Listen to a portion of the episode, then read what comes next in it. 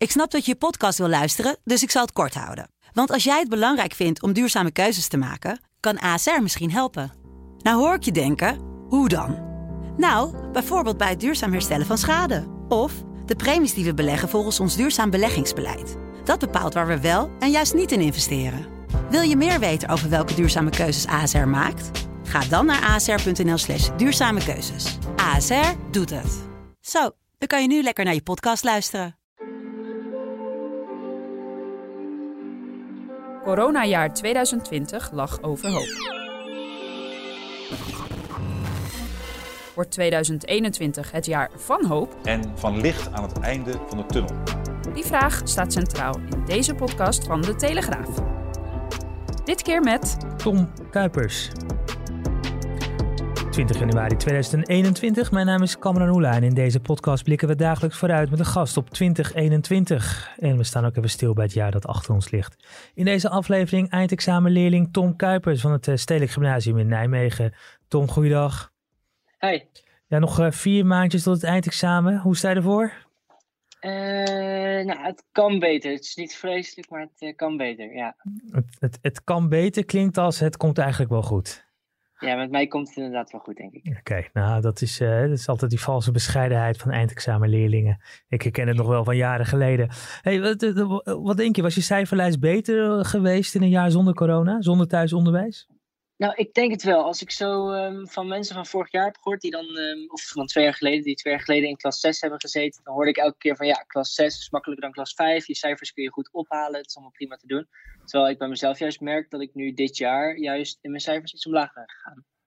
En ik denk dat dat komt door de corona-lessen. Ja, wat, uh, wat merk je daarvan? Wat, uh, op wat voor manier voel je ook dat het minder gaat dan dat je misschien wel zou kunnen? Ja, wat we merken is dat um, in uh, vijf van de afgelopen negen lesmaanden, dus dan de zomervakantie er even niet, uh, niet bij uh, rekenend, dan zijn we ongeveer 60% van de lestijd verloren. En de lessen die we dan nog hadden, die waren um, ook van veel lagere kwaliteit. Soms waren ze online. Ze waren altijd heel kort, waardoor de stof ook heel vlug besproken moest worden. Niet echt ingegaan kon worden. Je kon moeilijk vragen stellen. En ja, nou, dat heeft natuurlijk een enorme leerachterstand opgeleverd. Mm. En zie je je klasgenoten eigenlijk nog een beetje, of is dat echt uh, alleen maar op het scherm? Um, nou, gelukkig mogen wij nu weer wel naar school als examenleerlingen. Dus um, ik kan mijn uh, klasgenoten gelukkig wel weer zien. Maar um, ik heb ze inderdaad wel een hele lange tijd, uh, zeker aan het einde van het vorige schooljaar, een hele lange tijd moeten missen, ja. Ja. En nou, nu komen die examens eraan. de vraag is natuurlijk, blijft nog wel, gaan de examens dit jaar door? Vorig jaar gingen ze niet door. hoe, hoe denk je dat dit jaar zal gaan? Heb je daar een beetje verwachting van? Ja, minister Slop die uh, houdt zijn uh, poot in ieder geval stijf als het gaat om het uh, schrappen van de examens. En op zich staan wij daar ook achter. We zijn wel voorstanders van het houden van examens. Um, en ik verwacht, als ik zo de geluiden vanuit Den Haag een beetje heb kunnen bijhouden, eigenlijk dat um, het eerder in de richting gaat van bijvoorbeeld alleen examens van de kernvakken, dus Nederlands, en wiskunde en Engels. Mm -hmm. Maar ja, dat durf ik niet met zekerheid te zeggen natuurlijk. Nu uh, hadden we een van de 200.000 leerlingen kunnen spreken die uh, dit jaar eindexamen doet. We spreken jou specifiek uh, onder andere om de reden dat jij een brandbrief hebt geschreven aan diezelfde minister, Arie Slob, waar je het net over hebt, de minister van Onderwijs. Um, ja. waarom heb je een brief geschreven en wat staat daarin? Nou ja, um, Pleun, die, ik heb het samen met Pleun gedaan, dat is een klasgenoot van mij. Mm -hmm. Pleun die is op, op gesprek geweest met de jaarlaagcoördinator en de rector van onze school. Um, en het ging eigenlijk uh, onder andere over de zorgen van het, uh, over het examen. En dat ze twijfelden van, ja, hey, gaan we het uh, wel halen met de stof die we nou hebben behandeld? En toen kwam ze achter van, hey, het probleem ligt niet bij de school, die doet wat die kan. Maar het probleem is veel hoger, namelijk bij het ministerie. Die willen niks aanpassen in um, de inhoud van het examen. Dat was de berichtgeving op dat moment. Um, toen zijn wij een brief gaan schrijven aan de minister, waarin we gewoon aankaarten van, hey, dit is onze ervaring. Er zijn zoveel lessen zijn er gemist. En um, de lessen die we dan wel hadden, waren van veel lagere kwaliteit. Terwijl we gewoon allemaal een leerachterstand hebben. Dat zijn zoveel mensen die dat, uh, waarvan we de, die dat zo'nzelfde verhaal horen. En nou ja, dat was voor ons eigenlijk uh, de reden om uh, bij hem een gesprek aan te vragen. Waarin we dus um, nou, dat um, beter kunnen uitleggen. En met een aantal voorstellen kunnen komen voor het aanpassen van die examens. Nou, en hebben jullie al een reactie gehad van de minister?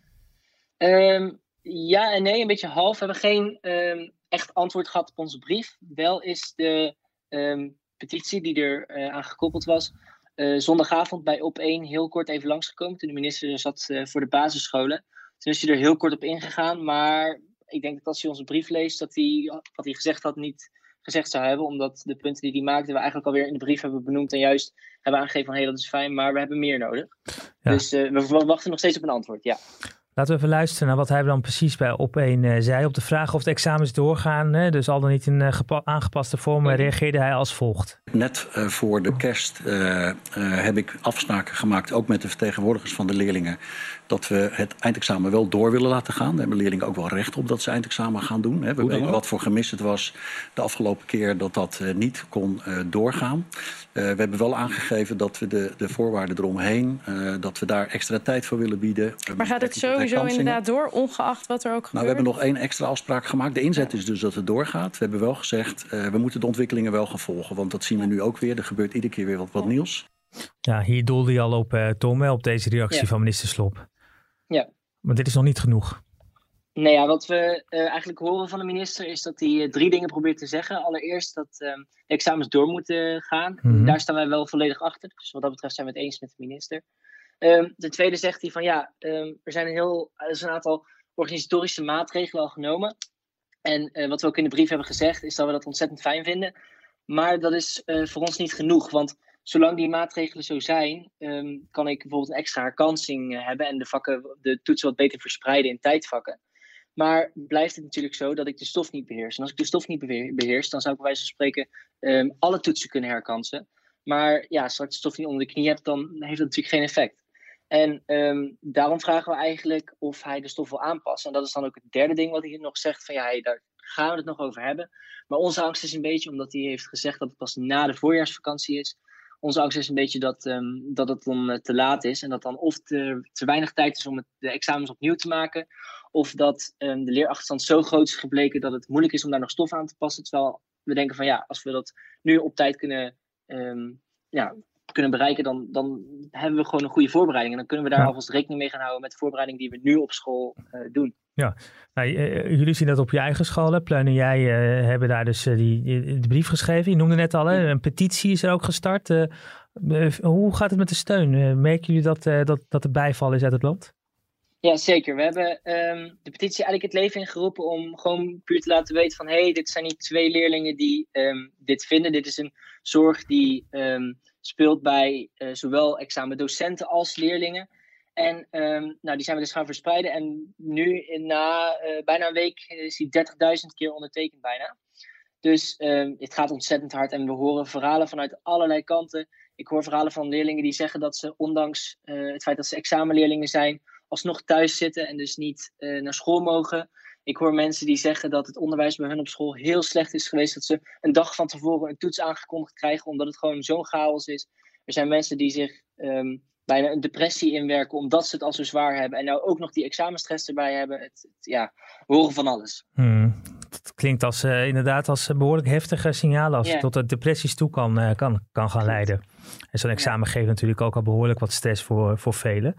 Um, even los van, uh, van het eindexamen dit jaar. Hoe, hoe kijk je zelf verder vooruit op 2021? Wat voor jaar moet het voor jou worden? Ik, um, ja, dan komt het cliché weer een beetje naar boven, maar het is natuurlijk een jaar van, van hoop. Um, ik begin hopelijk tenminste komend jaar aan, mijn, aan, mijn, aan, mijn, vervolgstudie.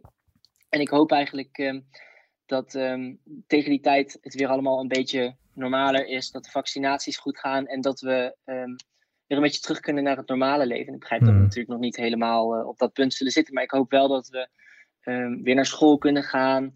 Dat de mensen die werken weer naar hun werkplek kunnen gaan. Waar die sociale contacten weer een beetje hebben. Want ik merk dat dat misschien nog wel het grootste probleem is voor heel veel mensen. Die, die eenzaamheid, dat ze nu thuis zitten. Zou je niet eigenlijk gewoon even een jaar willen wachten met het eindexamen? Dan kan je volgend jaar gewoon weer eindexamenfeestjes, een eindexamenreis. ik, ik kijk er 19 jaar later nog steeds met veel plezier op terug. Ja, wat dat betreft ben ik heel jaloers op de mensen die nu een jaar voor een eindexamen zitten. Maar nee, ja, die studievertraging die heb ik dan toch liever niet. Dus dat neem ik dan maar even voor lief. Dus gewoon, uh, gewoon beginnen met je, met je vervolgopleiding. Uh, Hoe gaat dat eigenlijk? Want dat, is, dat lijkt me ook wel ingewikkeld. Je kan niet echt naar open dagen toe, uh, waar je dat normaal ja. misschien wel zou doen. Ja, klopt. Het is wel grappig. Want toen ik mijn middelbare school ging kiezen, toen twijfelde ik tussen een aantal scholen. En op een gegeven moment toen liep ik mijn school, het Stedelijk Gymnasium in Nijmegen, liep ik toen binnen. En ik wist eigenlijk meteen gewoon door de sfeer die er hing van, hé, hey, dit is de school die ik wil hebben. En nu is dat ontzettend lastig, want ehm, ja, je kunt alleen maar online die open dagen bijwonen. En ja, daarin proef je toch niet helemaal de sfeer van zo'n school. Ehm, ik heb gelukkig een keuze kunnen maken en ik hoop heel veel leerlingen met mij, maar ehm, het is zeker lastig geweest, omdat je alles dus via de computer moet doen ja. en zelf moet uitzoeken. En, ja. en, en, en dan maar hopen dat je straks daadwerkelijk ook uh, het gebouw in mag gaan als het allemaal eenmaal begonnen is en, en niet weer achter de computer zitten. Inderdaad. De laatste vraag die we aan iedereen altijd stellen is: eh, wat is jouw hoop voor 2021? Ja, mijn hoop is eigenlijk ehm, dat ik weer eh, naar school mag gaan. Ehm, als ik op de universiteit zit, dat ik gewoon fysiek lessen kan volgen en dat ik mijn studie met een schone lei kan beginnen. Dat ik gewoon lekker dit jaar in kan gaan en uh, gewoon lekker kan gaan knallen. Nou, dat hopen we met jou mee. Dat is je gegund. En eerst natuurlijk maar dat, uh, nu klink ik wel echt als een oude man. Eerst maar dat eindexamen halen, jongen. Ja, zo is het. Tom Kuipers, dankjewel. En uh, de petitie, als mensen willen opzoeken, waar kunnen ze hem vinden? Die kunnen ze onder andere vinden op mijn en Pleun Instagram-account. Oké. Okay. Dus dat is de Instagram-account gewoon zoeken naar Tom Kuipers en dan vindt het vanzelf. Juist. Heel Juist. goed. Tom, dankjewel. En u bedankt uh, weer voor het luisteren. Elke dag zijn we deze maand januari met een podcast over hoop. En morgen dus weer, dan weer meer hoop.